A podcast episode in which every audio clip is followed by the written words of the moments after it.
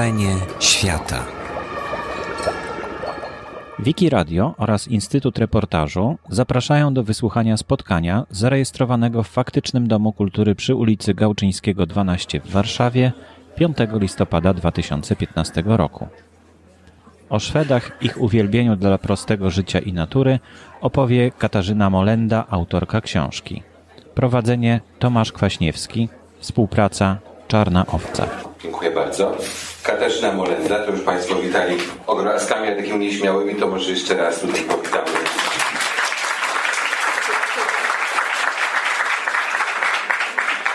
Słuchaj, czy w Szwecji byś była obsłużona przez mężczyznę, w sensie nalał Ci wody, czy nie? Byłoby to równie prawdopodobne, jak być obsłużonym przez kobietę. Yy, Skandynawistka, dziennikarka, tutaj czytam yy, z tyłu okładki, w 2007-2011 roku konsul Rzeczpospolitej w Sztokholmie, mieszka w Szwecji, a dokładnie gdzie? W Sztokholmie. A właśnie, w czym ty mieszkasz w ogóle? To jest, jak sobie wyobrazić to miejsce, w którym mieszkasz? Mieszkałam w bardzo ładnej, XIX-wiecznej kamienicy, bardzo blisko centrum Sztokholmu. Trochę pobliżej musisz. Słychać mnie? O, tak. E, Sztokholm położony jest na kilku wyspach. E, Ja mieszkam na wyspie, która się nazywa Kungsholmen. Kamienica jest, można powiedzieć, czynszowa, czyli wszystkie mieszkania są mieszkaniami najemczymi. Moje mieszkanie też. Nie posiadam tego mieszkania, nie kupiłam go, ale wiem, że mogę w nim mieszkać zawsze będę mogła w nim mieszkać, ponieważ rządzą tym takie same zasady, bardzo podobne zasady do zasad własności, czyli, czyli mogę nim dysponować, ale nie mogę go sprzedać oczywiście. Właśnie, bo jak to jest z tymi mieszkaniami na wynajem? To nie jest takie proste. Są firmy prywatne i są firmy gminne, które wynajmują mieszkania. Ponad połowa ludzi, którzy mieszkają w mieszkaniach, a nie w domach jednorodzinnych, właśnie na tej zasadzie ma mieszkanie. Żeby dostać mieszkanie, trzeba się ustawić w kolejce. Ale e, w zależności od lokalizacji można czekać bardzo długo, ale można też dostać to mieszkanie całkiem szybko. Największy problem mieszkaniowy jest w Sztokholmie. A jak ktoś czeka, to co wtedy robi? No to wtedy wybiera gorszą lokalizację albo wynajmuje z drugiej ręki. Bo też piszesz w swojej książce, że tam nie ma czegoś takiego, jak że można kupić mieszkania, czy tak zainwestować w mieszkania, a później je wynajmować. Jak to?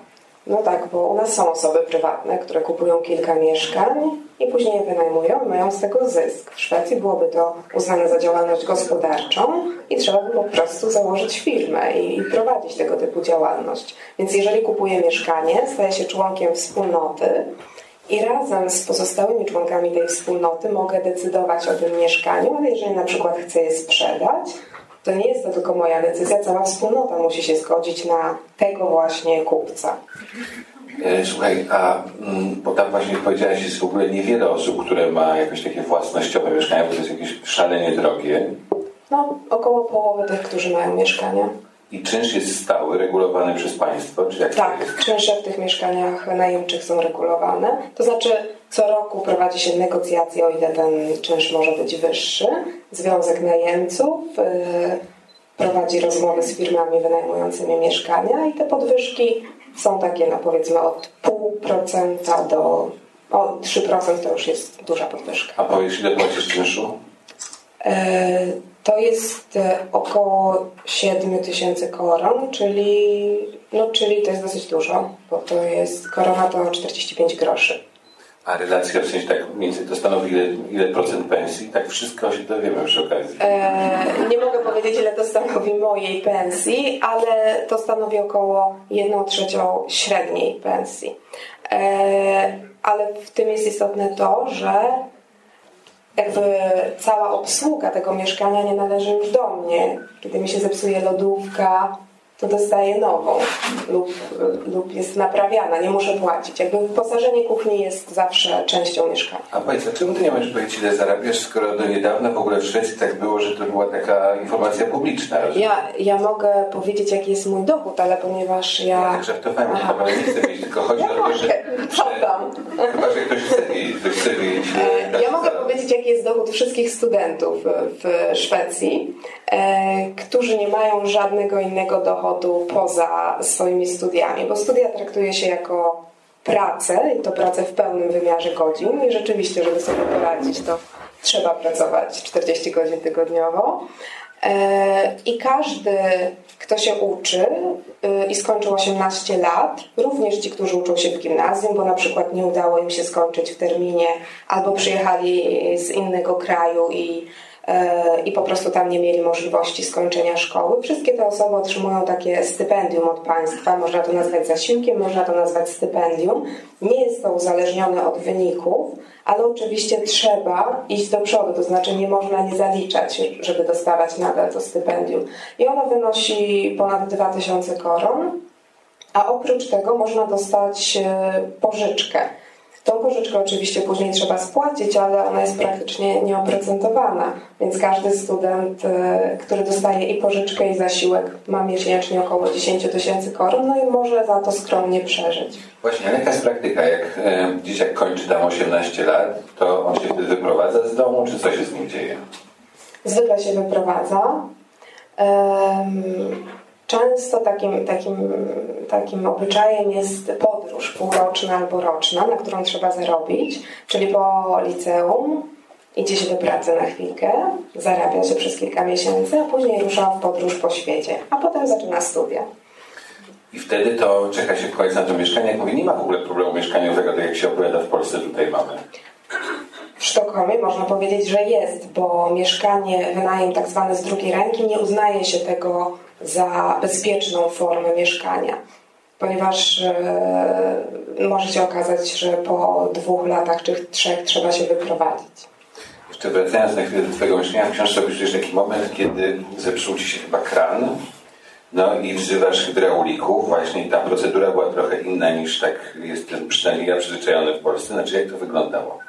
Czy wyglądało to tak, że przyszli do mnie do domu, ponieważ ja wychodziłam, nie wiedziałam, co mam zrobić, a oni zaproponowali jako zupełnie naturalną rzecz, że zostawię im klucze po prostu. Ja to zrobiłam, ale przyznam szczerze, że byłam dosyć przerażona i nie wiedziałam, czy nie są jakimiś oszustami może, ale okazało się, że jest to normalna praktyka, że kiedy przychodzi tak zwany fachowiec, zostawiamy mu klucz, on naprawia, wykonuje to, co miał zrobić i, i już.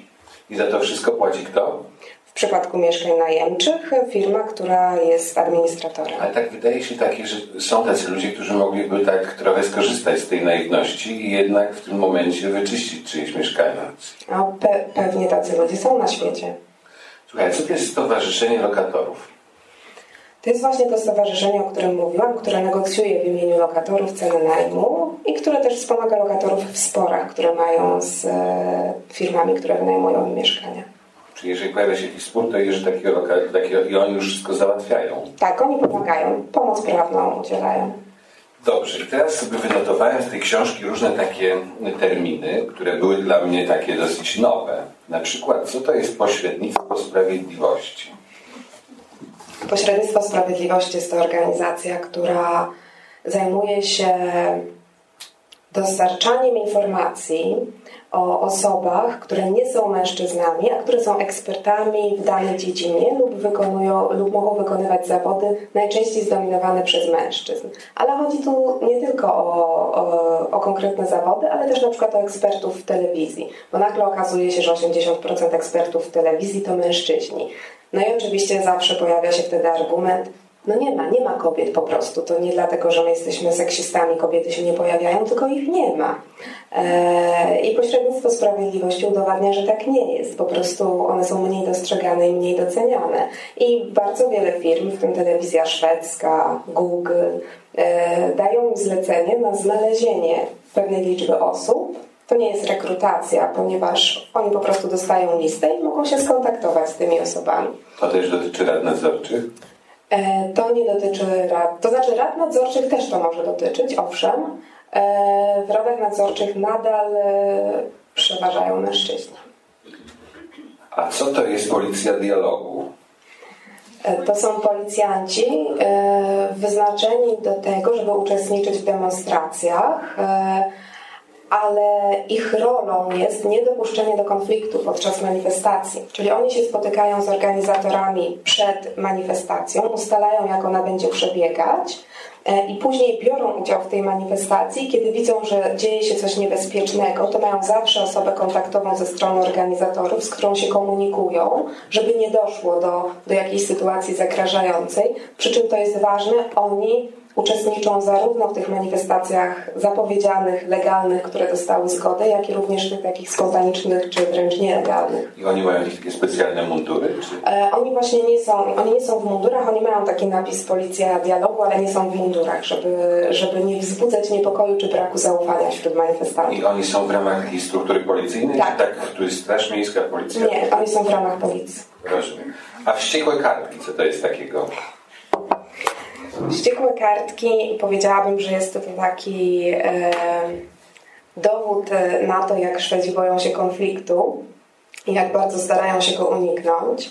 E, miejscem najbardziej konfliktowym w Szwecji jest wspólna pralnia. To też jest dla nas dosyć egzotyczna ta wspólna pralnia. na początku opowiedz o pralni w ogóle jako zjawisku, a później o tych wściekłych kartkach, bo wygląda na to, że Szwedzi nie mają pralek po prostu. No właśnie, Szwedzi nie mają pralek. E, Większość Szwedów rzeczywiście nie ma pralek w domu. E, Dla mnie też to było duże zaskoczenie, kiedy okazało się, że w standardzie mieszkania jest zmywarka, ale nie ma pralki i, i najpierw zupełnie nie wiedziałam, co mam zrobić z moimi rzeczami, po czym okazało się, że jest wspólna pralnia dla wszystkich mieszkańców budynku. Trzeba sobie zare- zarezerwować czas, nie można tam przyjść kiedy się chce. Na przykład taki kluczyk się wkłada specjalny i wtedy ma się 2-3 godziny, robi pranie, suszy to pranie, przynosi do domu. Ale oczywiście już ta idea sama w sobie e, Czekaj, Ale czemu w ogóle oni nie mają pralek w domu, tylko w zasadzie tak sobie utrudniają to życie? ułatwiają. Oni uważają, że sobie ułatwiają, no i dużo oszczędzają. Oszczędzają też przestrzeń, czas, e, e, Bo te mieszkania takie środowisko. malutkie są. Nie, oni mają dosyć dużą przestrzeń na, na jedną osobę. To jest idea jeszcze sprzed kilkudziesięciu lat.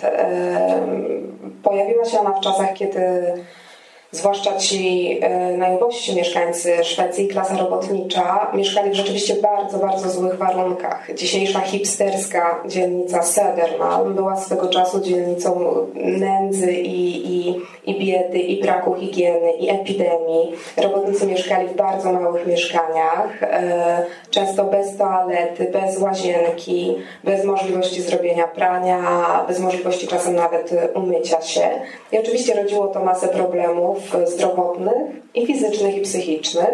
No i stwierdzono, że tak dłużej być nie może, trzeba temu zaradzić. I pierwszą taką koncepcją było to, że wszyscy, wszyscy bez względu na klasę społeczną muszą mieć prawo do łazienki, do tego, żeby codziennie wziąć prysznic i do tego, żeby wybrać swoje rzeczy. I stąd wzięła się ta koncepcja pralni. One najpierw były takimi budynkami nawet poza, poza budynkami mieszkalnymi, gdzie można było zanieść swoje rzeczy, a później coraz, coraz częściej były po prostu częścią normalnych budynków mieszkalnych. I to zostało. No i tam się spotykają ludzie w tej pralni, znaczy nie spotykają się w zasadzie, bo sobie wcześniej powiedziałeś, tym kluczykiem rezerwują, aż czasami przychodzisz, miałeś taką przygodę, rozumiem, opowiadałeś mi o tym, więc może też opowiesz tutaj Państwu. Przychodzisz i tak naprawdę powinnaś móc prać, tymczasem jakiś bardzo sympatyczny osobnik, osobniczka bierze swoje rzeczy w tym Tak. momencie. To jest taka jedna z bardzo nielicznych, niemiłych historii moich w Szwecji. Akurat musiały się ją wyciągnąć, ale rzeczywiście tak było. Przyszła i okazało się, że pralka jest zajęta. W tym czasie, który ja zarezerwowałam. Yy, I teraz pojawia się problem, bo nie było w moim blogu nie ma regulacji, jak e, długo trzeba czekać, kiedy osoba przede mną nie wyjęła swojego prania, zanim mam prawo wyjąć jej pranie i włożyć moje. Są takie regulacje, Tak, tak? tak. W innych budynkach są takie Ale tutaj regulacje. gdzie mieszczą się te wszystkie regulaminy, powiedz. E, Wiszą w pralni. To nie, nie jest to w ustawodawstwie krajowym ustalone. Ale w wielu językach, czy nie? Bo tak wszystko po angielsku jest, jest E, po Po, szwedzku. na ogół po szwedzku, czasem po angielsku też, owszem. E, No i ja odczekałam pół godziny i wyjęłam jego rzeczy. Kiedy zeszłam później, kiedy już wiedziałam, że ten cykl prania się kończy i zeszłam, no to był bardzo oburzony, że, że je dotknęłam. Ale okazało się, że to nie był sąsiad, że to nie był tak, że to nie był sąsiad, to była osoba spoza budynku, która skorzystała, weszła, żeby wybrać swoje ciuszki. A dlaczego poczekałeś pół godziny? No właśnie pomyślałam sobie, że w skoro innych budynkach to tak jest 15 minut, pół godziny, to dam mu szansę. I dobrze, na szczęście to nie była osoba z Twojego budynku, bo wtedy trzeba byłoby rozwiązać konflikt. Jak się rozwiązuje konflikty sąsiedzkie? No właśnie te konflikty pralniane są, um, mają to do siebie, że, że często próbuje się je rozwiązać nie bezpośrednio. Czyli zostawia się kartkę, na której jest na przykład napisane bardzo proszę kończyć pranie o czasie albo bardzo proszę oczyszczać filtr po użyciu pralki. A takie coś nienawidzę cię. A, a kiedy takich kartek zostawiło się wiele, to pojawia się kartka wiem kim jesteś, ty, który nigdy nie czyścisz filtra. Złapię cię, kiedy zrobisz to następnym razem i poinformuję wspólnotę. I takie kartki też się pojawiają. Ale to czymś się kończy poza tymi kartkami, czy nie? No niestety yy, można powiedzieć, że pralnia to najniebezpieczniejsze miejsce w Szwecji, ponieważ dochodzi tam, w województwie sztokholmskim sprawdziłam, do kilkudziesięciu przypadków rękoczynów rocznie. E, I to jest chyba to miejsce, gdzie, gdzie jedyne właściwie miejsce, gdzie, gdzie ludzie tracą cierpliwość. No dobrze, ale pomysł na to, bo też mi o tym opowiadałaś, jest taki, że w związku z tym w ogóle wynieść te pralnie z piwnicy na poziom parteru i przeszklić, tak? Tak, tak. W tych nowych budynkach one są przeszklone jakoś to tak łagodzi obyczaje, kiedy jesteśmy na widoku.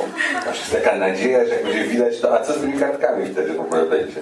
Bo jest też taki serwis, serwis, prawda? Jak ktoś jest ciekawy, to też jest po angielsku, czy jest, nie? Nie, jest strona internetowa po szwedzku z tymi kartkami. Można wysłać, można wysłać jak kogoś bardzo rozbawiło. Ale też się rozumiem poczytać, prawda? Tak, Jaka jest ja, inwencja, jeżeli o to tak. chodzi. I jak co pisze Szwed, kiedy jest wściekły, ewentualnie Szwedka.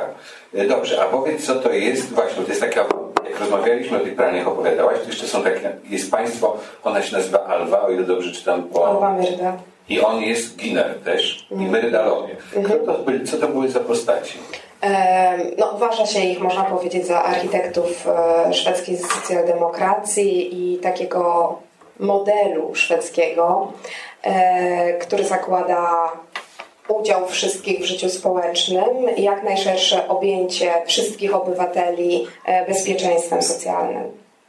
Oni zbudowali też taki dom. Oni mieli też takie pomysły, tak. Może opowiesz, co? Oni mieli, e, Alwa Myrda miała też taki pomysł, że, um, że dobrze byłoby, żeby kobiety, które wtedy były obciążone pracami domowymi mm, w latach 50., miały to ułatwione, maksymalnie ułatwione e, i żeby nie musiały się tym zajmować mogły spokojnie pracować. I dobrym rozwiązaniem było, byłby budynek, który, że tak powiem, zaspokaja wszystkie potrzeby rodziny, czyli to jest budynek. Bardzo inspirujące, przepraszam, się przerwę na chwilkę, bo mamy w Polsce ten problem, że trzeba zacząć budować domy. To jest bardzo inspirujące jakby w tej materii. Jak to mogłoby wyglądać? Powiedz. Pralnia wspólna, oczywiście.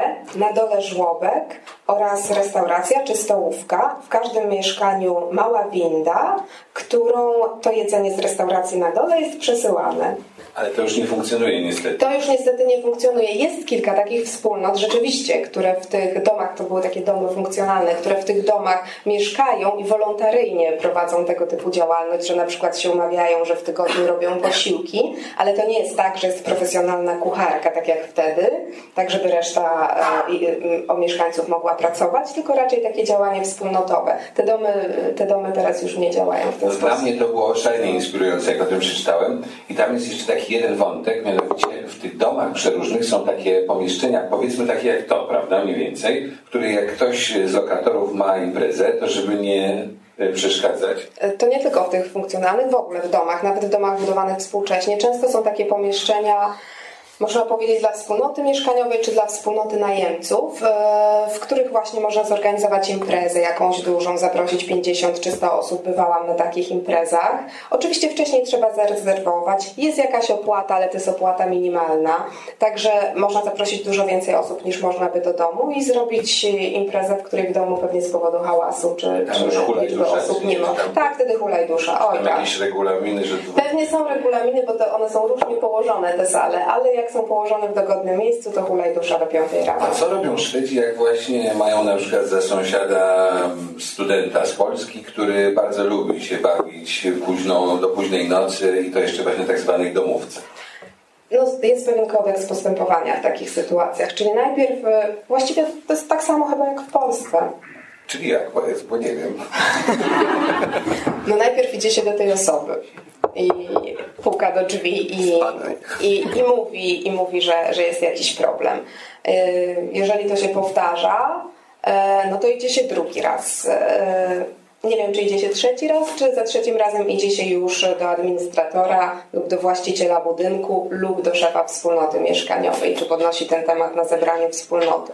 Dopiero kiedy taka uwaga ze strony, e, ze strony e, wspólnoty, czy też ze strony administratora nie przyniesie rezultatu, no to wtedy zawiadamia się policję. Co to jest, a właśnie o tych imprezach rozmawiamy, to warto powiedzieć o stosunku Szwedów do butów. Jak to jest z tymi butami, powiedz? Buty nie są takie ważne jak u nas. Wydawało mi się, że w takim północnym kraju buty powinny być ważne. One są ważne jako, ważna jest ich funkcja, ale ich e, estetyka nie jest tak ważna, powiedziałabym, jak u nas. To się oczywiście zmienia, bo to jest, powiedziałabym, e, to jest proces, proces, który zachodzi, ale po pierwsze jest mniejszy wybór butów w ogóle w sklepach. Wszystkiego jest mniejszy wybór, prawda? Inny inny, ale czasem mam wrażenie, że być może mniejszy. Trudno, trudno, jest, um, trudno jest ten rynek szwedzki zdobyć. Dosyć. Pieczywa chrupkiego jest najwięcej. Najwięcej jest gatunków pieczywa chrupkiego. Tutaj, tutaj byśmy nie mieli szans. Ale butów jest trochę mniej i buty właśnie traktuje się mniej jako element stroju, a bardziej jako po prostu sposób na to, żeby się nie kontaktować z podłożem i żeby było ciepło. E, I efektem tego jest to, że jeśli wchodzi się do domu jako gość czy to nawet jeżeli jest to bardzo elegancka impreza, nawet jeżeli ma się garnitur i suknię, to zdarza się, że trzeba zdjąć buty, znaczy trzeba, zdejmuje się te buty, jest to naturalne. Ja mówię, że trzeba, bo ja to tak odczuwam. Dla nich jest to naturalne. No i czasem tak jest, że ludzie mają wtedy buty na zmianę. No takie super, super wyjątkowe, tak, z worku foliowym buty, na super wyjątkowe okazje, ale często w ogóle się nie przejmują i Sylwester, bal w skarpetkach. Ale to właśnie wygląda, że w takim razie skarpetki powinny być bardzo ważnym elementem stroju.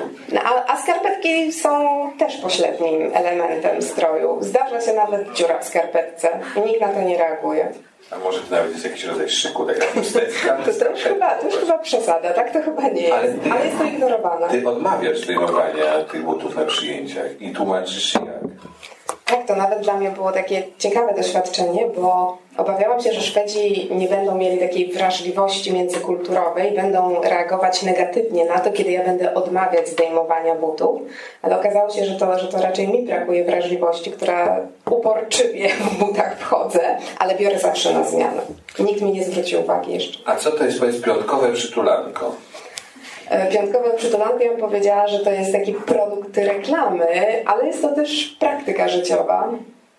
E, po całym tygodniu, kiedy już można się zrelaksować e, z chłopakiem, z dziewczyną, z rodziną, z dziećmi, żoną, mężem, zasiada się przed telewizorem najczęściej, teraz może przed laptopem również. Je się chipsy, pije wino albo Coca-Colę i nic się nie robi. I na ogół leży się na kanapie to jest taki rytuał wręcz. Ale jeszcze ten masaż jest taki ważny przy okazji. No nie wiem, czy robi się masaż w trakcie tego przytulania, ale pewnie masz ten, na myśli ten masaż, który w przedszkolach się robi. Właśnie w przedszkolach się robi. Um, nie we wszystkich, ale, ale jest, jest spora liczba przedszkoli, w których rzeczywiście wprowadzono masaż do zajęć. Szwedzi są bardzo metodyczni, więc oni sprawdzają, jakie działania mają e, różnego rodzaju inicjatywy społeczne i również inicjatywy pedagogiczne. I okazało się, że masaż, który nauczycielki przedszkolne wykonują dzieciom lub dzieci wykonują sobie nawzajem, przynosi bardzo dobre rezultaty zarówno e, dzieciom, jak i nauczycielkom. E, bo ten akurat ten eksperyment pierwszy przeprowadzono w przedszkolu, gdzie było bardzo dużo zwolnień lekarskich z powodu wypalenia zawodowego, gdzie był dosyć duży poziom stresu wśród dzieci. No po prostu działa to neurologicznie. Stres, poziom stresu opada, dzieci są spokojniejsze, nauczycielki bardziej zrelaksowane dzieci masują panie, tylko panie masują dzieci, ewentualnie dzieci masują się nawzajem. Ja, ja się zastanawiam, czy, czy dzieci masują panie, tego nie, tego nie wiem, ale dzieci mogą się masować nawzajem lub masuje je pani. Oczywiście to jest na warunkach dziecka, to ono decyduje, czy chce. Tak, ale wydaje się, że to jest idea, która powinna się rozprzestrzenić też po szkołach, gimnazjach. W Polsce to jest taka debata na temat likwidacji gimnazjów. Mówi się, że dzieci są wtedy nadmiernie pobudzone, dochodzi tam do strasznych bezeceństw. Gdyby się masowały nawzajem, to jakby dobrze to działało też na nauczycieli, prawda? No można sprawdzić, można zrobić eksperyment. I można by w ogóle tak zrobić, że nauczyciele też się masują, prawda? No jakby na takie wspólne masowanko, to byłoby dobre. Ale tutaj przechodzimy do działalności też szwedzkiego Ministerstwa Spraw takich obronnych. Chodzi o armię. Otóż szwedzka armia, jak wyczytałem w Twojej książce, jest eksporterem takich szkoleń genderowych na świat. Tak, tak. Oni szkolą właściwie wszystkie kraje NATO, jeśli chodzi o świadomość genderową w armii. E, I ja wiem, że kiedy, kiedy o tym się rozmawia w Polsce, to czasem budzi właśnie taki uśmiech, jak teraz widzę na Twojej twarzy, e, ale wynika to, muszę powiedzieć, z ignorancji bo, i z nieświadomości, o co w tym chodzi tak naprawdę. E, to mogą być rzeczy najbardziej podstawowe, takie na przykład jak to, że odzież żołnierzy, że ich buty są dopasowane zwykle do mężczyzny, który mierzy 1,80 m i waży 85 kg. I oczywiście kobiety w armii mają y, y, bardzo utrudnione działanie, a teraz mówimy też o kobietach żołnierkach, które są na polu bitwy i to może być kwestia życia i śmierci, kiedy ciągnie się za sobą za duże buty i, za du, i, za, ma się za duży strój. Ale to chodzi też o inne kwestie. Są, mm, Szwedzi są w Afganistanie przecież, oni nie są w NATO, ale współpracują. Są sytuacje, w których tak naprawdę, nie mając kontaktu z miejscową ludnością, z tą jej częścią żeńską, nie możemy sobie poradzić. Nie mamy właściwych informacji. A żeby zdobyć na przykład te kontakty, tą sympatię i to zaufanie, musimy wysyłać kobiety. One muszą być odpowiednio przeszkolone i również żołnierze, mężczyźni muszą wiedzieć, jak współdziałać i jak współpracować. I to są takie kwestie. Szwedzi zaproponowali e, po zakończeniu kontraktu e, na dostawę systemów elektronicznych do Arabii Saudyjskiej, to zresztą było otoczone no jakby najpierw tajemnicą, a potem wybuchł skandal i zakończono tę współpracę, ale zaproponowali im właśnie te szkolenia genderowe. Saudyjczykom, ale oni odmówili. Bardzo też ciekawe jest, jak, jak piszesz o tym, jak Szwedzi chcą liczyć mm, zanieczyszczenie tak naprawdę, które generuje ich gospodarka. Masz powiedzieć parę słów na ten temat? E, no, normą taką jest e, w Europie i na świecie, że zanieczyszczenia mierzy się tymi, które są produkowane na terenie kraju, geograficznie, czyli ile polskie fabryki lub szwedzkie fabryki wyprodukują zanieczyszczeń, no to tyle mamy. Ale jest taki dosyć silny ruch w Szwecji i obecny też w debacie politycznej, który mówi: OK, rzeczywiście, mamy świetne wyniki, E, bardzo mało emisji dwutlenku węgla, biorąc pod uwagę rozwój ekonomiczny i przemysłowy kraju, ale spójrzmy, ile importujemy i z jakich fabryk importujemy. Nasze telefony produkowane powiedzmy w Chinach, ile one, czy nasz sprzęt techniczny, ile one generują tam na miejscu emisji. Oczywiście nie może być tak, że Szwecja jako jedyny kraj zacznie liczyć również te importowane, że tak powiem, emisje, e, ale, ale jest to poważny argument w dyskusjach. A co to jest niezdrowie psychiczne? To jest taki termin, który określa wszystkie niepsychotyczne choroby yy, psychiczne, czyli depresje, stany lękowe, chorobę dwubiegunową. Yy, I on brzmi tak łagodniej, bo choroba psychiczna może, by, może, może być stygmatyzująca. Samo to określenie może być bardzo czyli stygmatyzujące. Jak sobie wyobraź, jak ktoś przychodzi i mówi właśnie jestem niezdrowy psychicznie, to na przykład znaczy, że ma depresję, tak? Tak. Tak. E, mów, znaczy, to jest używane też w statystyce. Mówi się o tym, że 40% zwolnień lekarskich związanych jest właśnie z tego typu problemami.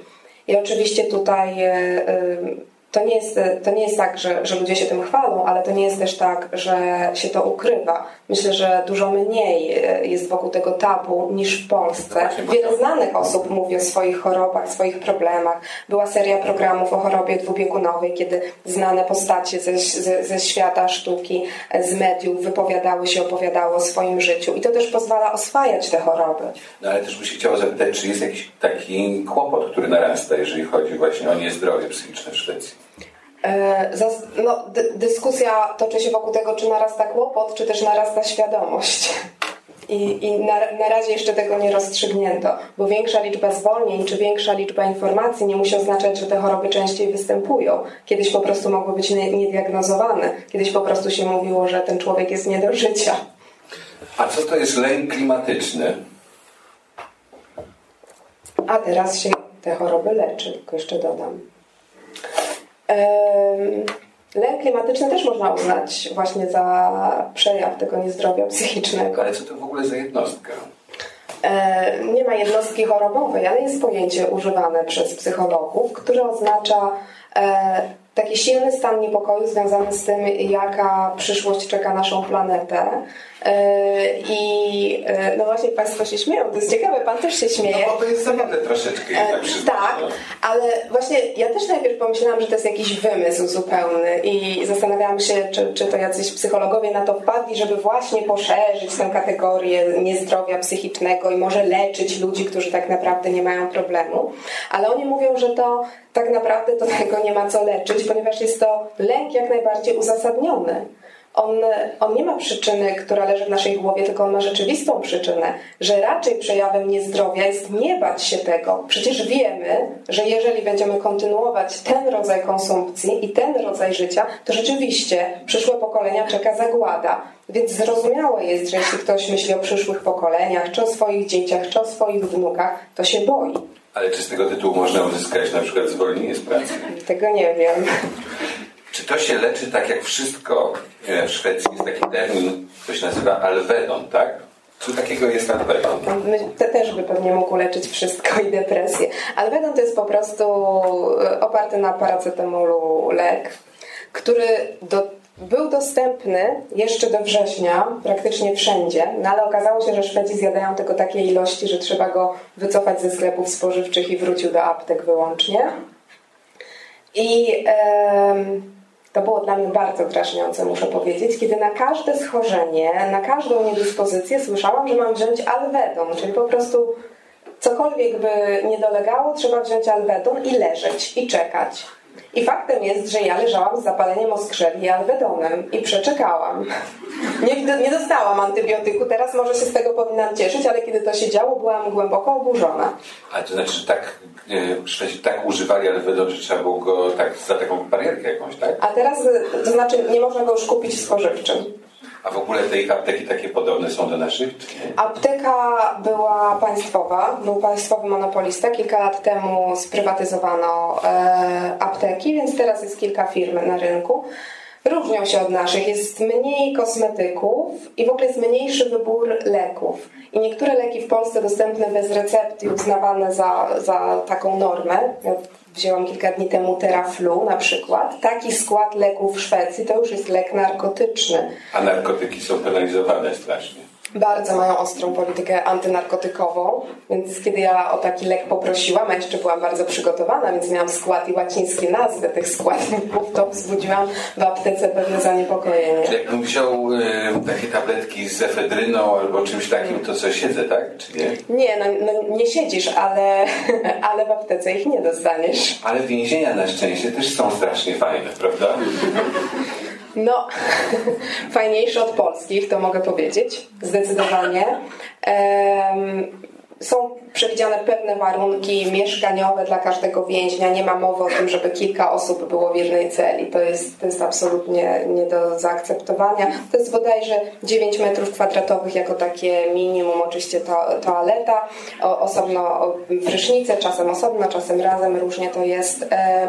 Tak naprawdę najładniejsze, najczystsze i najbardziej eleganckie są te więzienia o najostrzejszym rygorze, ponieważ tam więźniowie rzeczywiście siedzą zamknięci bardzo w celi przez ileś godzin dziennie, ale to też nie jest tak długo jak u nas, ponieważ oni muszą albo pracować, albo się uczyć, albo chodzić na terapię. Czyli nie ma siedzenia.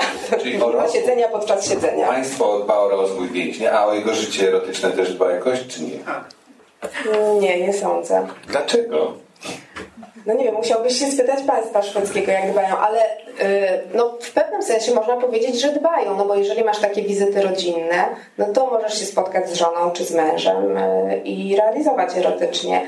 A poza tym, y, to jest też ciekawe, bo nam, mm, ja, ja, ja, ja tą, tą refleksję miałam niedawno. Nie ma też takiego podziału, że w więzieniach męskich y, są strażnicy mężczyzn, to się nie nazywa strażnicy, no, nawet trudno przetłumaczyć to określenie, e, mężczyźni, y, a w żeńskich wyłącznie kobiety. To jest również koedukacyjne. Czyli, czyli na przykład właśnie rewizje jak są wykonywane i y, mężczyzna nie ma nic przeciwko temu, to może ją wykonać kobieta. Nasi więźniowie nie mieli nic przeciwko. Ciekawe czemu właśnie w kontekście tej pierwszej sprawy, o której rozmawialiśmy. A powiedz, a poczta? Poczty nie ma po prostu. Nie ma poczty. To jest ból. Są Idziemy tylko... na Szwecji, bo ona jest podobnie. Tak. Idzie się, idzie się do kiosku albo do, do, do 7-Eleven i stamtąd się wysyła paczki i tam się też te paczki odbiera. A kto to jest doradca energetyczny? To jest taka osoba, która pomaga nam zaoszczędzić energię, czyli i ona jest w gminie i pomaga i firmom, i osobom prywatnym, czyli na przykład zastanawiamy się, czemu tak dużo energii zużywamy, czy to może nasz telefon podłączony do kontaktu, to możemy zadzwonić i się spytać, co zrobić, żeby oszczędzać. Mało tego, bo tam piszesz w książce o tym, że jest w ogóle jakaś temperatura taka przepisowa, która jest dobra dla ludzi i trochę większa o dwa stopnie powinna być dla starszych, tak? Tak, bo z wiekiem, z wiekiem marzniemy coraz bardziej, więc przy, w normalnych mieszkaniach to jest 21 stopni jest normą, ale w domach dla seniorów, którzy mają już słabsze krążenie, e, e, to są 23 stopnie.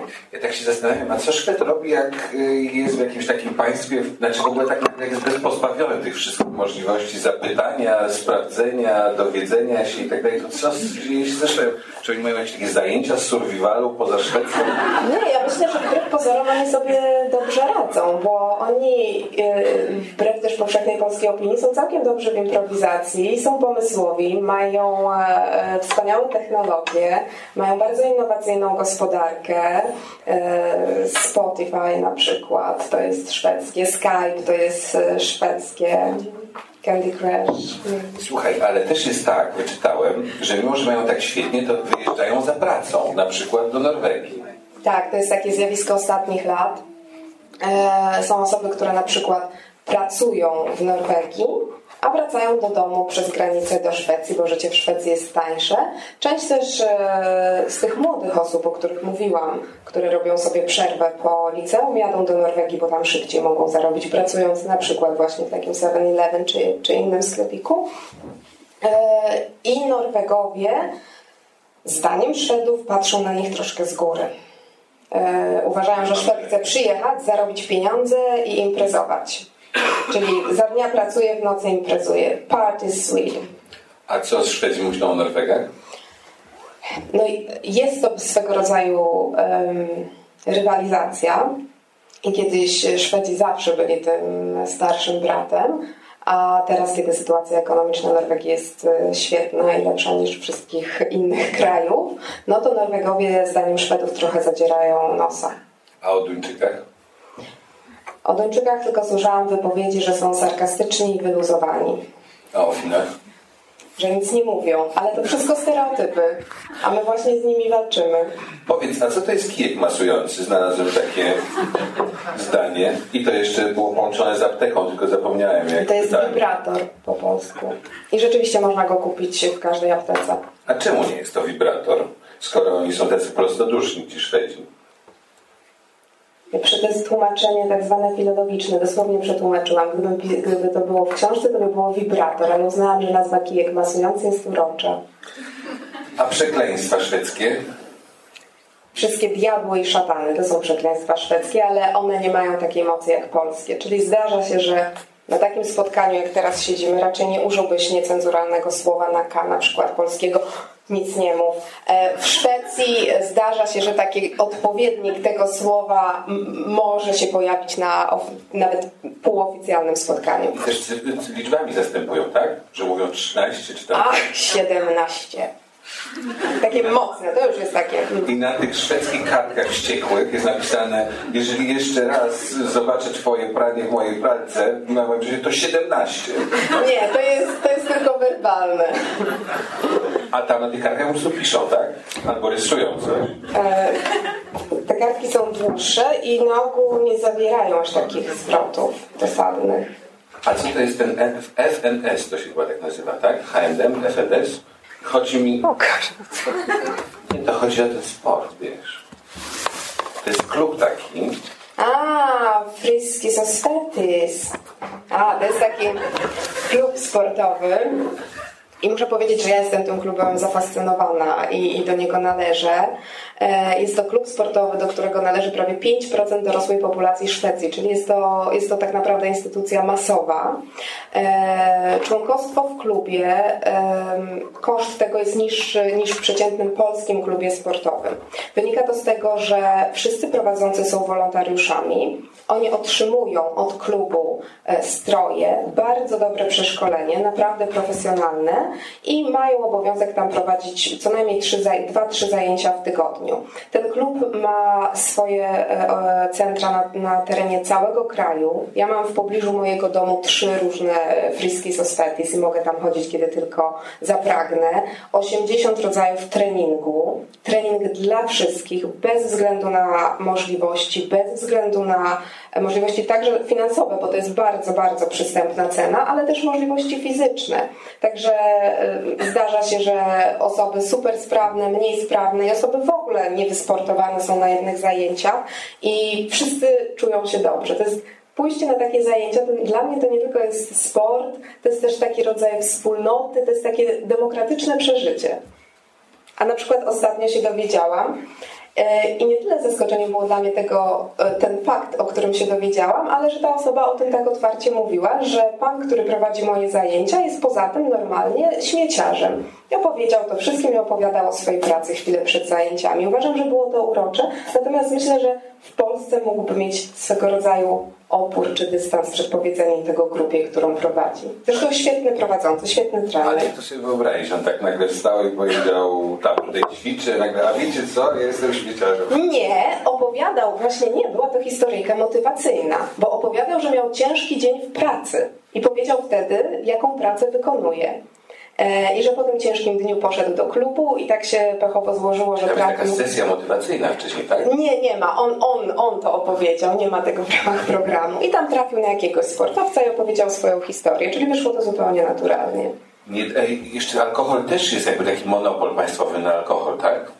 Nie jakby, po prostu jest totalnie, totalnie. System Bulaget się nazywa ten monopol alkoholowy. E, Ja go bardzo lubię, e, dlatego że on sprawia, że nigdy nie ponoszę ryzyka kupienia niedobrego wina, kiedy idę do sklepu, bo mam gwarancję, że wszystkie wina w systemie Bulaget są w miarę dobre, że nawet te najsłabsze będą dobrymi winami. Personel jest super przeszkolony. Ograniczeniem jest to, że godziny otwarcia są zdaje się tam od rana do którejś w ciągu tygodnia, w soboty tylko do 15. No i że są to poszczególne sklepy w mieście, a poza tym w spożywczym nie można kupić alkoholu. To co Szwedzi robią, jak tak wiesz, yy, zabawa się rozkręca i nagle jest takie poczucie, u nas to się jedzie na stację benzynową na przykład, a tam co się robi? Kupuje się na zapas. Nie przyszło ci to do głowy. No ale jakiś to miałby być zapas, bo No właśnie ten zapas nosi się w tych siateczkach system Bulaget. Z daleka można rozpoznać, że ludzie niosą zapas, bo te siateczki są bardzo charakterystyczne. Także w piątek wieczorem ludzie z zapasami biegną do domu. ja muszę Państwu powiedzieć, że to mam pewne doświadczenie, co prawda w Finlandii, ale pamiętam tak, e, pracowałem na fermie u pewnego pana, czy też na farmie i on, było już tak trochę, to był jakiś taki listopad, było trochę chłodno i on bardzo zainwestował w to, żeby się ubić z takim drugim panem i pokłócili się.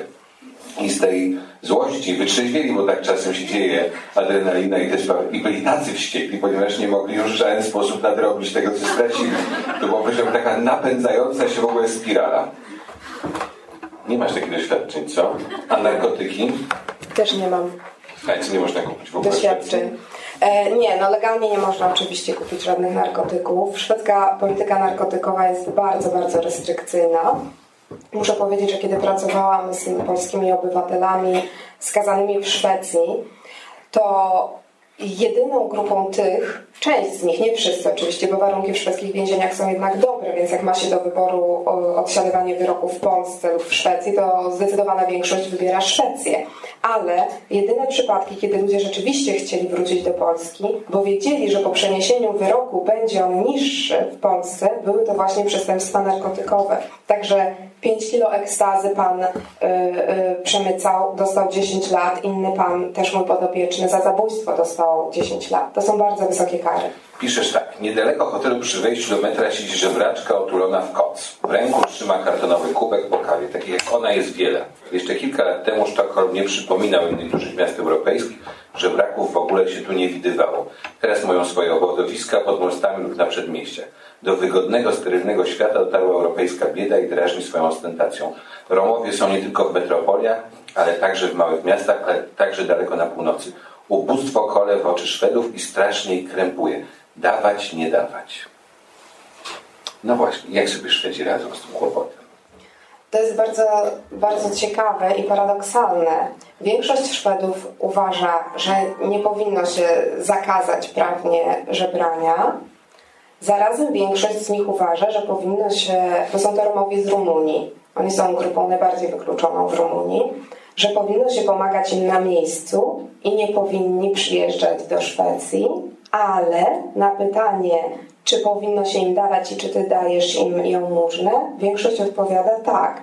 Czyli z jednej strony racjonalnie e, oceniając tą sytuację, uważają, że, że, że nie jest ona dobra i tak być nie powinno, ale jednak tego wsparcia udzielają. Oczywiście opinie są tutaj bardzo podzielone, bo swego czasu pojawił się artykuł szwedzkich e, ministrów, którzy zachęcali do tego, żeby nie dawać pieniędzy osobom żebrzącym, ale dawać je organizacjom, które pomagają Romom na miejscu w Rumunii.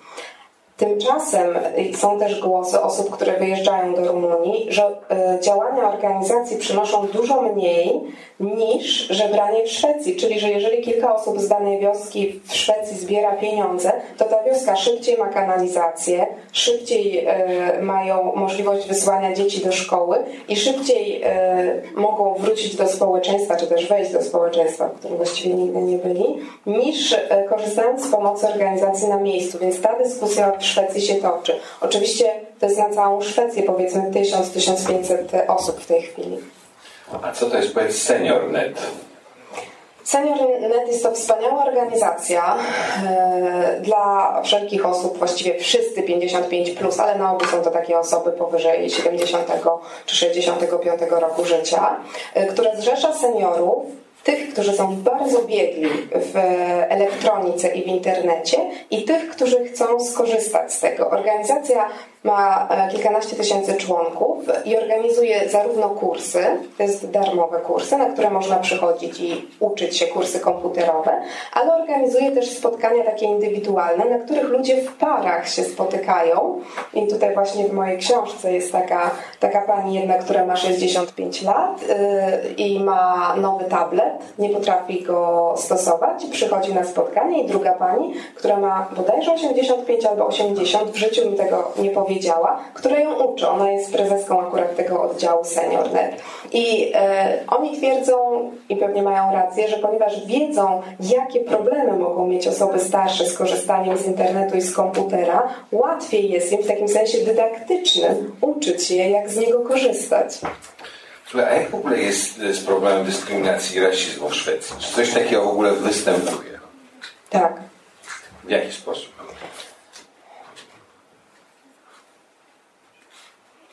Rasizm to jest e, bardzo trudne do zbadania zjawisko, bo bardzo trudno jest stwierdzić, które działania ewentualnie mogą być motywowane rasizmem.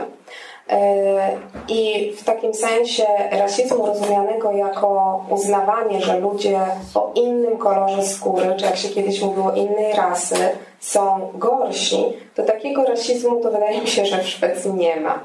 E, lub występują w jakimś, no nie wiem, bardzo, bardzo, dotyczy bardzo małej grupy ludzi. Natomiast taka ksenofobia rozumiana jako brak akceptacji dla osób z innych kultur czy osób innych narodowości, to oczywiście występuje. Mniej lub bardziej jest to widoczne bo, bo jedną rzeczą jest myśleć czy mieć pogląd, a inną wyrażać go w jakiś sposób. Także takie poglądy raczej nie są wyrażane. Wśród imigrantów jest większe bezrobocie, piszesz, ale strasznie trudno zbadać, czy wynika to z dyskryminacji, czy na przykład z braku specyficznie szwedzkiego kapitału społecznego. Tutejsi socjologowie zajmują się tymi kwestiami bardzo intensywnie.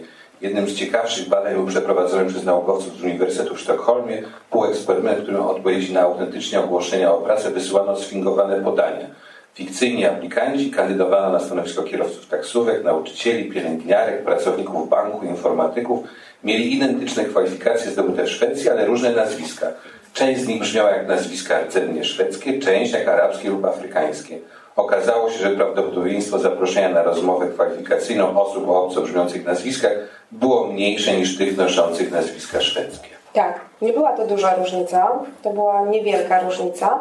E, I co ciekawe, ta różnica znikała dla kobiet po, po tym, jak dodano im w CV dwa lata więcej doświadczenia zawodowego, natomiast utrzymała się dla mężczyzn o arabsko, to były arabsko i afrykańsko brzmiące nazwiska, o arabsko brzmiących nazwiskach, nawet jeśli mieli lepsze CV niż ci o szwedzko brzmiących nazwiskach. To jest jedno badanie, ono nie było zreplikowane, ale może pokazywać taki podświadomy, bo jestem przekonana, że żaden z tych pracodawców, e, gdyby się go zapytać, nie, nie powiedziałby, że jest rasistą, on by powiedział, że ta osoba miała wyższe kompetencje zapewne pewne i nie zdawałby sobie nawet sprawy, że tak naprawdę te kompetencje były identyczne. Jeszcze jest ciekawe, bo później się okazało, że w ogóle kobietom było łatwiej, tak. prawda? Niezależnie od tego, jakie nosiły nazwisko, było łatwiej uzyskać pracę.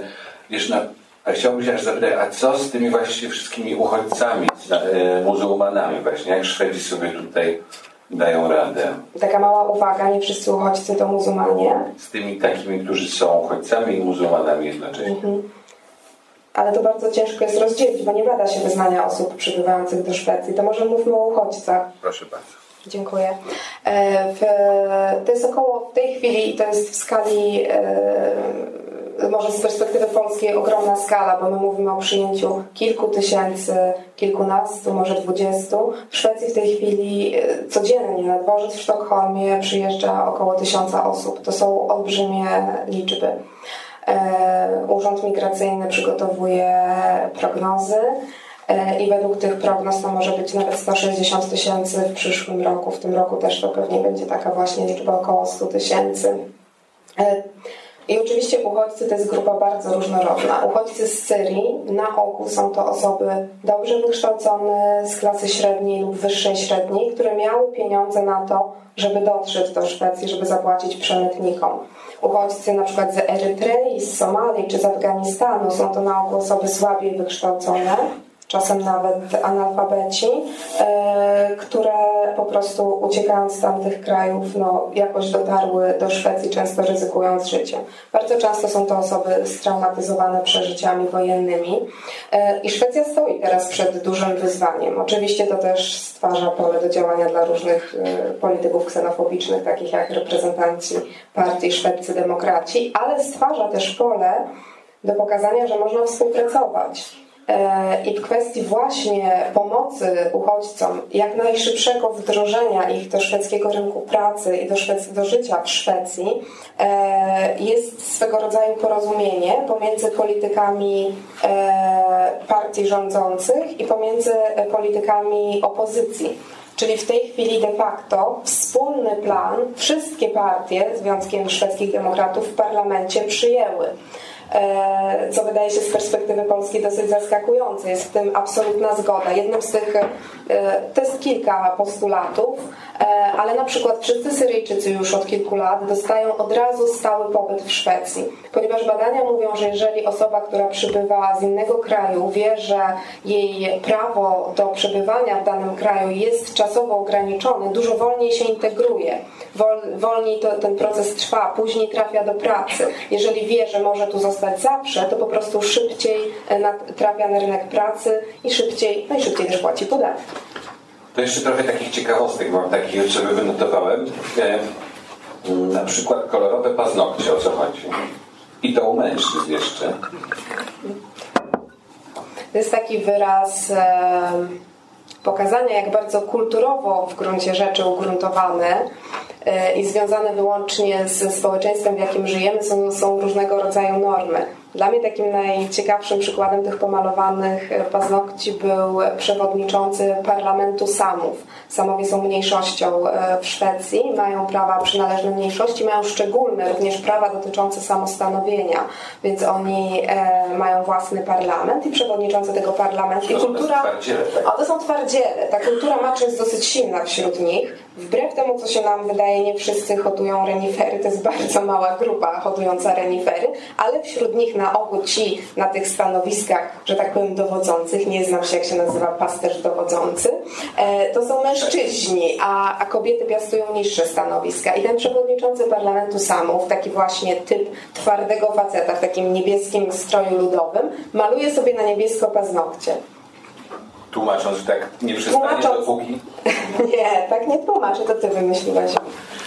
Ale po- powiedziałeś też o takim pewnym, e, opowiadałeś o takim pewnym e, muzyku, tak? O śpiewaku, który też maluje sobie dopóty, dopóki będą zauważać jego pomalowane paznokcie, Tak, to on śpiewak operowy, że powiedział, dopóki będzie się spotykał z jakimiś reakcjami, a tu chcę zaznaczyć, że, że Szwedzi tak nie reagują, nie komentują innych, więc to naprawdę nie, nie, nie może się zdarzać za często. E, tak długo będzie malował paznokcie, żeby, żeby, żeby ludzie przestali na to zwracać uwagę do tego momentu. A słowo, e, to to jest bardzo ważne słowo. Ja nie wiem, czy ja dobrze czytam plagum, tak? Lagą. Plagum. To o co tu chodzi? Nie za dużo, nie za mało, w miarę w sam raz. E, I to jest charakterystyczne słowo, ale e, ja się, staram, ja się staram zdekonstruować ten mit, że Szwecja jest lagą, czyli nie za dużo, nie za mało w sam raz, bo według takich światowych e, norm to Szwecja jest dosyć ekstremalna. Jest bardzo sekularyzowana, bardzo racjonalna, bardzo wysoko ceni sobie indywidualność. Tak się umówiliśmy, że do ósmej będziemy gadać, a później Państwo będziecie mieli możliwość zadania pytania, ale ja jeszcze chciałem, bo wiem, że Ty chciałaś e, coś powiedzieć o mediach, więc w Szwecji, więc może powiesz, co? E, tak, bo wydaje mi się, że ten temat jest szczególnie istotny, zwłaszcza u nas, bo, bo, bo była takim- śrubka w momencie. tak. E, i, e, ale nie dlatego to mówię. Mam też doświadczenie, mam też przyjaciół pracujących w mediach. E, media szwedzkie wyglądają inaczej, niewątpliwie. Ja powiem może kilka słów o mediach publicznych. E, e, dwa kanały telewizyjne. No więcej jest, dwa główne kanały telewizyjne, jeden kanał dla dzieci i jeden kanał taki oświatowy, plus kanały radiowe. Radio jest świetne w Szwecji, słucham radia prawie codziennie. Oczywiście wszystko to, i to też jest ważne, ma zupełnie inną dostępność niż u nas, no bo trudno w dzisiejszych czasach dopasować rytm życia do telewizji, więc ja wiem, że ja zawsze mogę ten program obejrzeć sobie później. Wszystko to przez internet jest dostępne, wszystkie programy radiowe jako podcasty. U nas też, też właściwie to już idzie w tym kierunku. Ale tym, co jest e, dla mnie wspaniałe i ciekawe, jest to, że telewizja publiczna jest telewizją absolutnie niezależną, że radio publiczne jest radiem absolutnie niezależnym.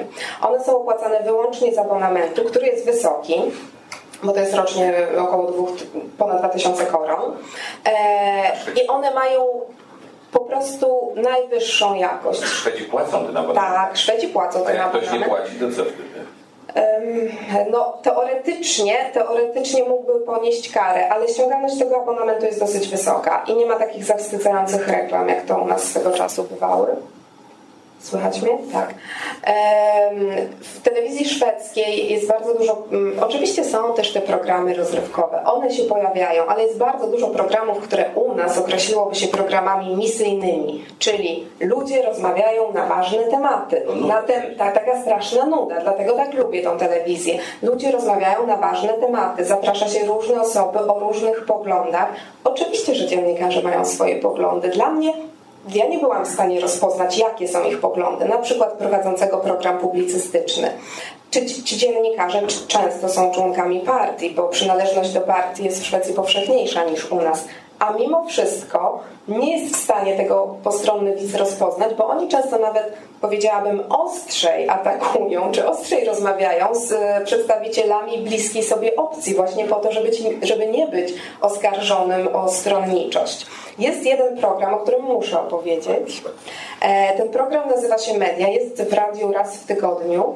Jest on poświęcony w całkowicie konstruktywnej samokrytyce, czyli na przykład w ciągu tygodnia doszło do jakiegoś wydarzenia, które było relacjonowane w mediach i program Media Sprawdza czy przypadkiem to, że na przykład na skutek tych relacji doszło później do, do jakiegoś hejtu w internecie, czy to nie wiązało się z błędami w sztuce? Czy dziennikarze dopełnili wszystkich e, zobowiązań etycznych? Czy postąpili tak, jak powinni? Sprawdzają wszystkie strony, rozmawiają często z osobami, które na przykład występowały w danym materiale, rozmawiają z dziennikarzami, sprawdzają też, jak się e, relacjonuje kwestie polityczne, sprawdzają nawet stosunki pracy w mediach.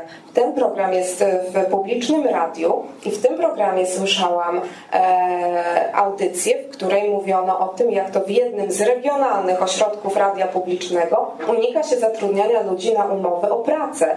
I dziennikarze publicznego radia robili wywiad z szefową publicznego radia, tego regionalnego, która się musiała grubo tłumaczyć i później oczywiście jeszcze podejmować decyzje, które wynikły z tego programu. A się przydało, żeby później był taki program, który z kolei sprawdza, jak ten program o mediach wpłynął na rzeczywistość, że i czy oni dopełnili i tak dalej, i tak dalej.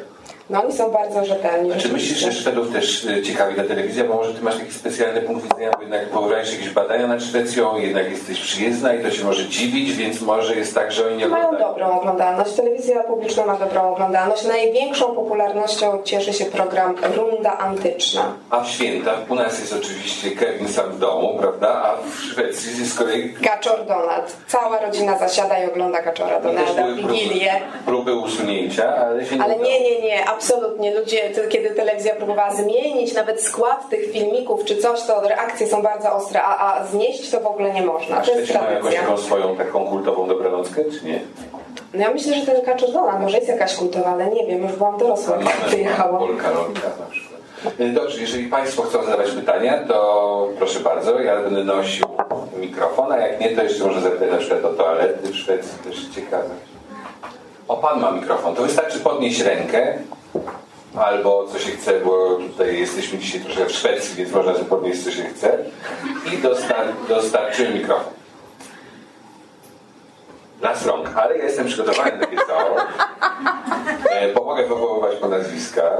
Ja zawsze chciałem być w takiej sytuacji nauczycielskiej, ale teraz szkoła polska też się zmienia, więc mam takie dodatkowe, to niech Państwo się O kwestie społeczne, takie poważniejsze, bo, bo Tomasz wybrał takie lekkie tematy, to jeżeli... Nieprawda, o toalety to jest bardzo poważna sprawa. No w Polsce właśnie. jest przynajmniej bardzo To poważna. niech Państwo pytają, bo inaczej on o toaletach będzie opowiadał.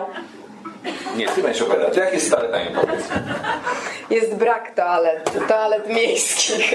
Tak, to jest, to jest bardzo niehumanitarne, w poza tym bardzo humanitarnej Szwecji, że rzeczywiście tych toalet jest mało. E, A tam, gdzie są, to są płatne i trzeba płacić monetami, a Szwecja jest najbardziej bezgotówkowym krajem na świecie. Czyli dla nieszweda, który nie jest na to przygotowany i wie, że wszędzie zapłaci kartą, może to być duży problem. To wcześniej opowiadałeś o tej sympatii do przybyszów, prawda? I takim właśnie informacyjnym jakby aspekcie. No dobrze, no, ale jak ty to tłumaczysz? Czemu tak jest w zasadzie? Są takie opisy barwne w twojej książce, jak to biegacie po centrum handlowym i szukacie. Później się okazuje, że nie ma drobnych i tak dalej. Napięcie jest naprawdę gigantyczne, to można sobie wyobrazić. No i jak ty to tłumaczysz? Przecież to jest taka elementarność, nie, elementarna niedbałość o ludzkie potrzeby. Jesteś mistrzem zadawania pytań, na które nie ma odpowiedzi. Jak to, proszę bardzo, pytanie. E, Sorry, że trochę się spóźniłem, ale e, być może ten temat już był poruszany. Kwestia inwigilacji, kwestia inwigilacji obywateli przez państwo, przez policję, służby specjalne. E, Szwedzi, bo być może mówiłaś o tym e, Kasiu, wcześniej, Mam. nie wiem, trochę się przepraszam. E, Więc nie wiem, czy ten temat był poruszany. Nie, nie. E, Podobno Szweci godzą się na to, że e, ten, ten, ten właśnie zasięg inwigilacji jest ogromny, że ta inwigilacja jest e, bardzo głęboka. Znaczy z jednej strony dostają e, Sorry, że zadaję pytanie tak jak zawsze na takich spotkaniach bardzo długo, ale e, dostają transparentne państwo z jednej strony, a z drugiej strony mają też tajne służby e, i tak dalej. Więc jak to wygląda? Czy, czy w ogóle tym się zajmowałeś?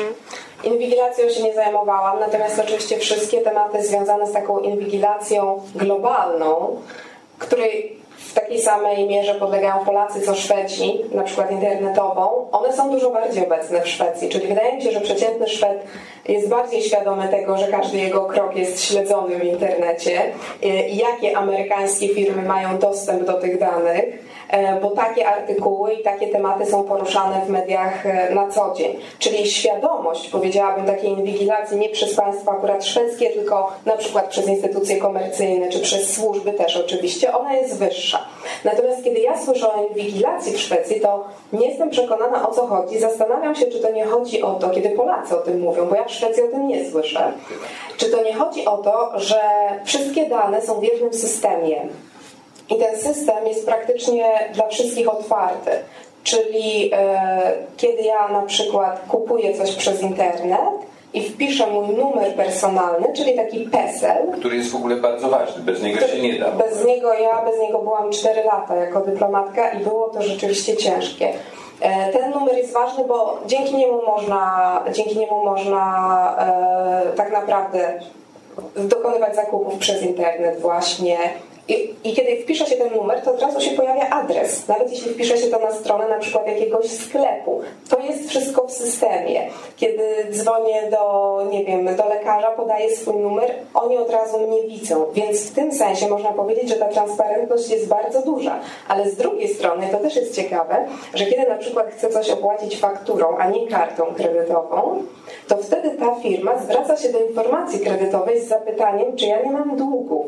Ale ja się o tym bo dostaję list. I to pierwszy raz to był szok, bo dostałam do domu list, że ktoś sprawdzał moją wiarygodność kredytową. Więc z jednej strony sprawdzają, z drugiej to o tym wiesz, że oni sprawdzają. I wydaje mi się, że to jest właśnie ta cena, którą się płaci. Teraz się wytłumaczyło, że toaleta jest za darmo. Miał być z jedyny list anonimowy, do którego można puścić płacę gotówką. Kto ma pytania? Lastro. O, jest pan. Tam pierwszy mikrofon był gdzieś tam też, ale dobra, zaginął.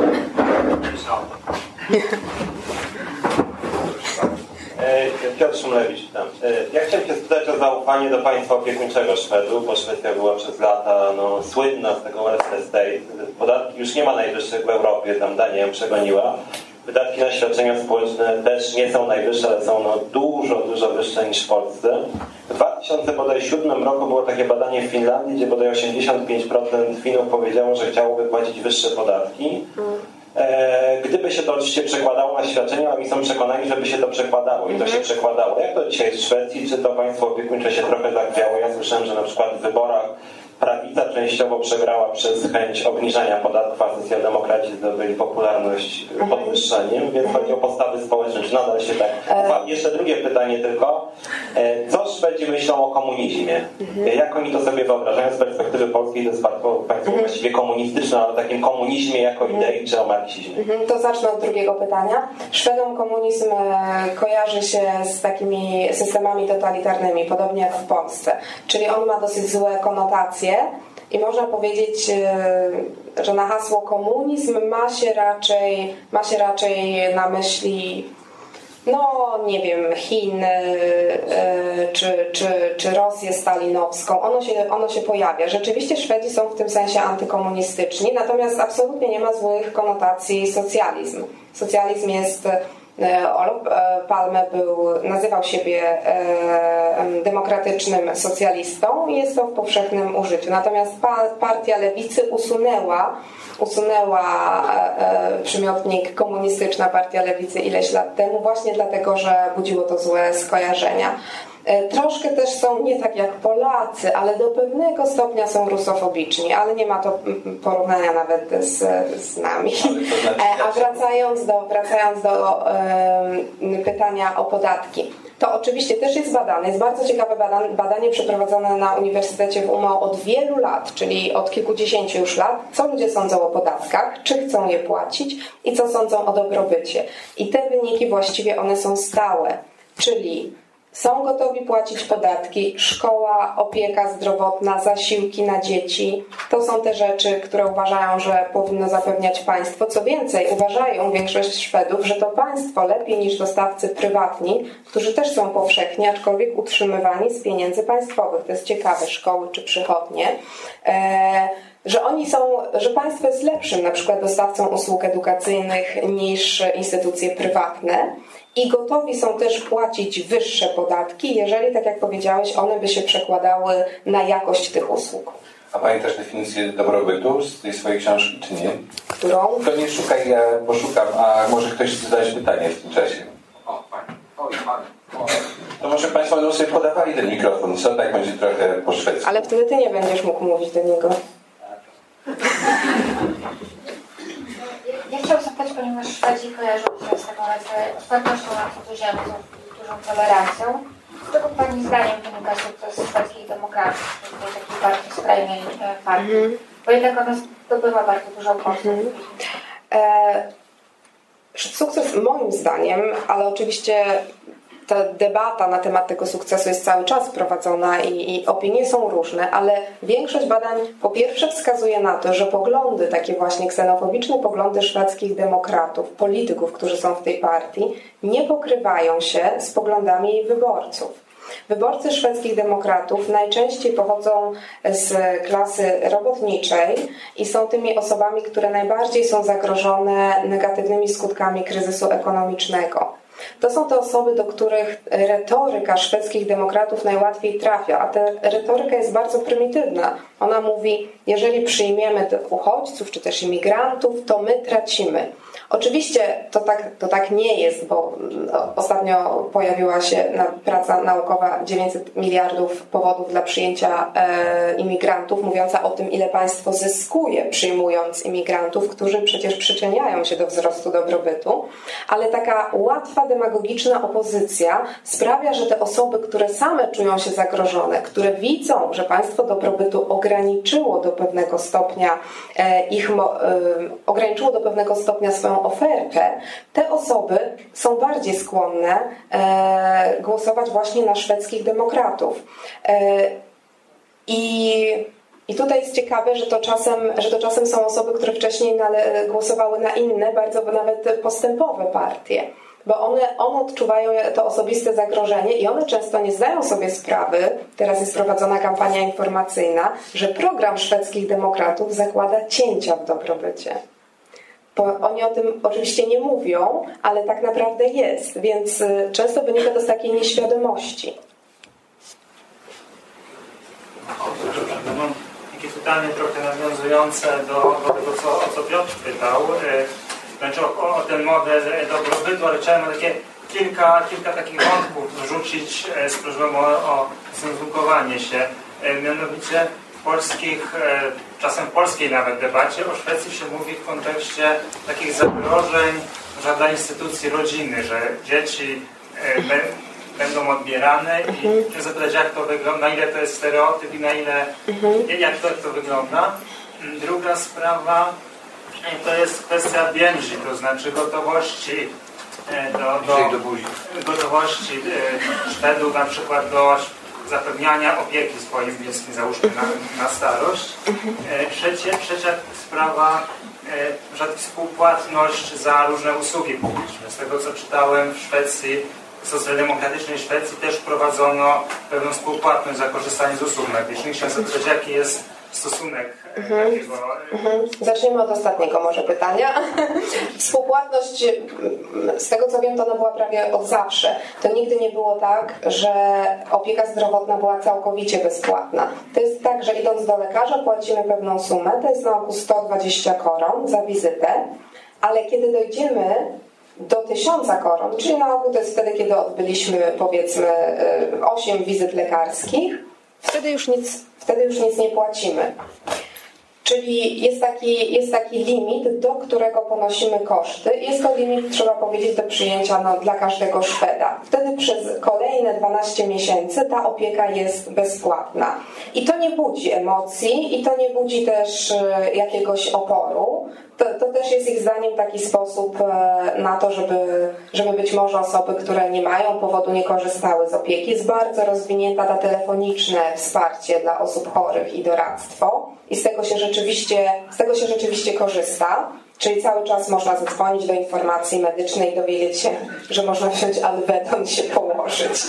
E, druga kwestia e, gotowość więzi. E, ja troszeczkę o tym czytałam i sprawdzałam to. E, więź w rozumieniu Szwedów nie oznacza pełnienia profesjonalnej opieki nad osobą chorą czy osobą z demencją. Więź wyraża się tym, że na przykład dorosłe dziecko dba o to, żeby rodzic otrzymał właściwą opiekę, pobyt w domu opieki lub też opiekę domową. I tutaj troszeczkę to inaczej wygląda z perspektywy polskiej. Nam się wydaje, że jak najdłużej osoba powinna mieszkać w domu, a z kolei wiele osób w Szwecji uważa, że przy pewnym poziomie choroby i niedołężności dużo bezpieczniej i wygodniej mieszkać jest w takim domu opieki. I raczej narzeka się na to, że teraz dąży się do tego, żeby jak najwięcej osób otrzymywało tak zwaną pomoc domową, czyli na przykład osoba starsza lub osoba po wylewie, która nie musi być starsza, otrzymuje pomoc domową polegającą na tym, że kilka razy w ciągu dnia, czy raz w ciągu dnia przychodzą do niej dwie osoby, tak zwane młodsze pielęgniarki, które pomagają jej w czynnościach życiowych. I to jest często, może być źródłem stresu, bo ta opieka nie jest całodobowa, ona jest kilka razy w ciągu doby i czasem trudno dopasować swój rytm, nie wiem, posiłków czy wychodzenia do toalety, akurat do wizyt tych, tych opiekunek. Więc, e, więc Szwedzi są e, gotowi do załatwiania spraw i tego typu pomocy osobom starszym, natomiast uznaje się, że mają prawo do swojego życia, do pracy zawodowej, bo przede wszystkim są to osoby aktywne zawodowo w tym wieku e, i że też nie mają kompetencji do pełnienia tego typu opieki, na przykład jeżeli osoba no, już jest rzeczywiście schorowana, czy też fizycznie dobrze się trzyma, cierpi na demencję lub odwrotnie. Więc e, tak samo sprawdzałam tą kwestię samotności, bo się mówi, że szwedzcy seniorzy są samotni. To jest nieprawda. Oni są najmniej samotni ze wszystkich europejskich seniorów, a najbardziej samotni są Włosi. To też pokazuje, jak bardzo subiektywna jest samotność, bo z kolei Włosi mają największą liczbę wizyt dzieci przeliczoną na czas. Więc to poczucie, czy, czy, ma, czy jesteśmy częścią społeczeństwa, czy, czy mamy więzi, czy, czy nie jesteśmy samotni, ono niekoniecznie wiąże się z częstością kontaktów z dziećmi. I pierwsze pytanie o to, czy państwo nie, nie ingeruje w rodzinę.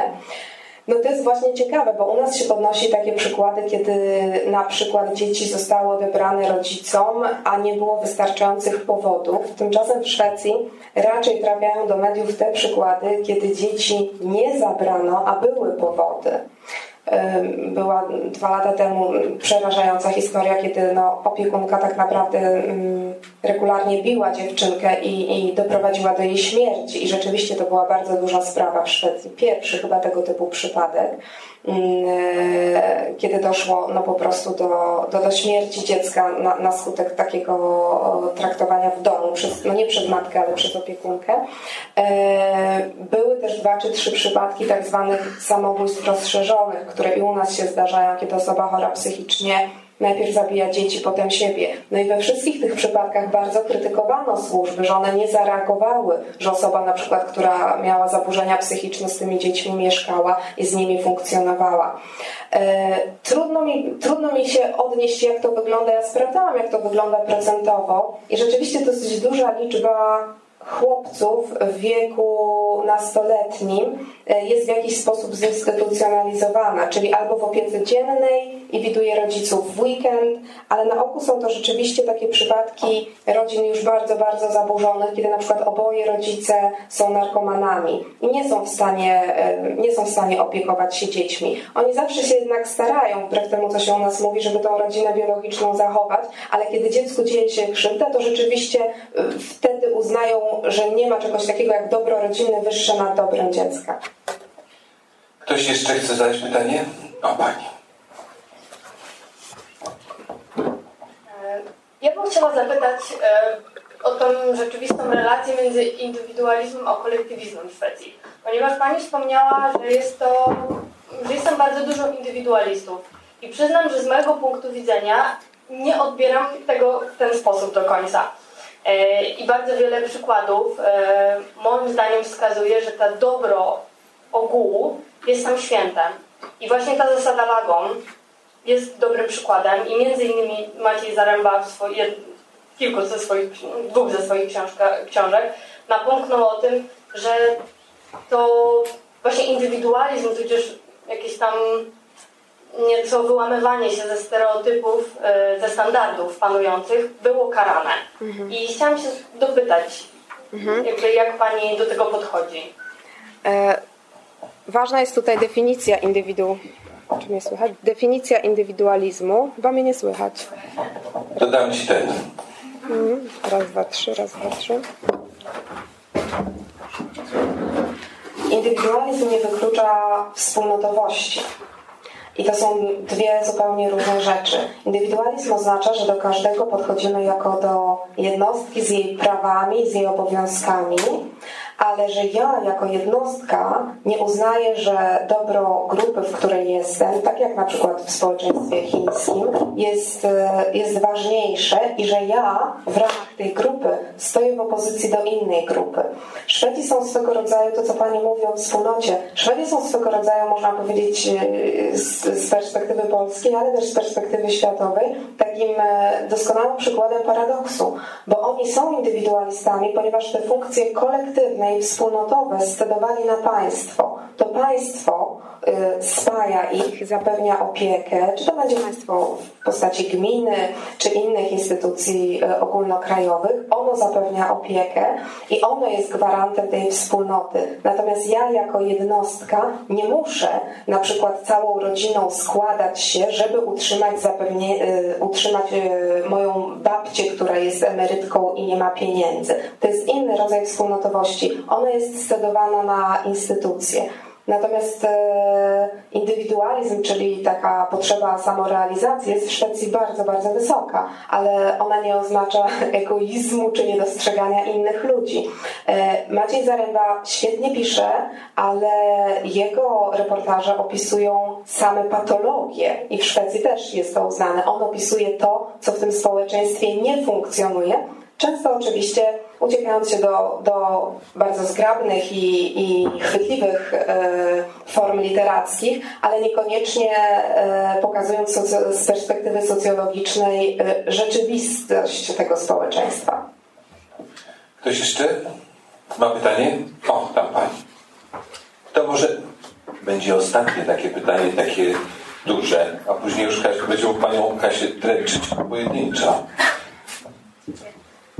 Ja mam pytanie na temat y, nawiązywania nowych znajomości. Czy Szwedzi chętnie poznają nowe osoby, czy raczej są zamknięte w swoich grupach i czy na przykład przyjeżdżając do Szwecji łatwo jest stworzyć pewną siatkę kontaktów, poznać nowe osoby, czy raczej y, trudno jest wejść w takie zgrane grupy? Ja się sama nad tym zastanawiałam i wydaje mi się, że bardzo pomaga e, wspólne miejsce pracy, czy szkoła, e, czy kółka zainteresowań. Te osoby z Polski, które znam, które mają dużo znajomych Szwedów i nie są zasklepione tylko w tym środowisku Polonii, to są osoby, które są aktywne zarówno zawodowo, jak i aktywne w różnego rodzaju organizacjach, bo Szwedzi są e, bardzo e, chętni do udziału zarówno w partiach politycznych, organizacjach pozarządowych, organizacjach sportowych, sportowych, kółkach zainteresowań. Tego jest pełno. Jeżeli się przyjechało do Szwecji i chce się te kontakty nawiązać, to to jest to, co ja bym e, polecała. Nie wiem, wydaje mi się, że może są bardziej zamknięci. Zależy też, no, co uznajemy przez bycie zamkniętym niż Polacy. E, może mniej wylewni, ale nie, nie bardziej zamknięci, a mniej wylewni e, w okazywaniu. E, ale nie wydaje mi się, żeby, żeby to nawiązywanie znajomości było takie trudne.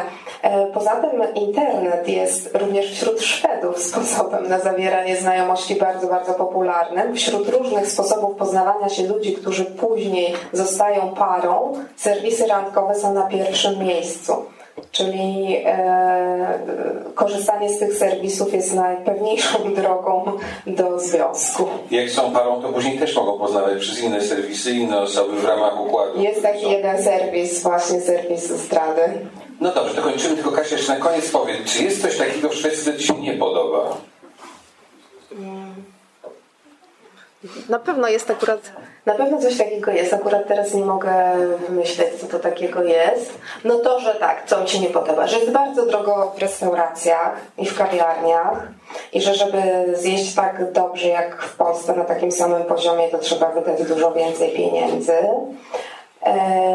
To, że jest mniejsza, mniejsza właśnie mniejsze urozmaicenie różnego rodzaju sklepów, tak jak w Polsce, idę przez Warszawę, jestem zachwycona, piekarnie, kawiarnie, sklepik z tym, sklepik z tamtym. W Szwecji kilka sieci, kilka piekarni, to wszystko jest takie bardziej zunifikowane. E, oczywiście można jechać do jakiegoś supermarketu, gdzie jest bardzo duży wybór, ale nawet tych supermarketów nie ma wiele i tylko szwedzkie. E, więc to, to jest taki minus. No pewnie coś bym jeszcze wymyśliła, nie potrafię tak na poczekanie. Dziękujemy serdecznie. Państwa gościem była Pani Katarzyna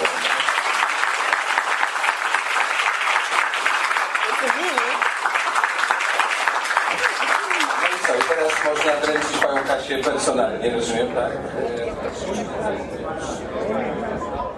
Fundacja Instytut Reportażu zaprasza do swojej księgarni z literaturą faktu i kawą Wrzenie Świata na ulicy Gałczyńskiego 7 w Warszawie. Wejście przez bramy Nowy Świat 48 i Nowy Świat 52.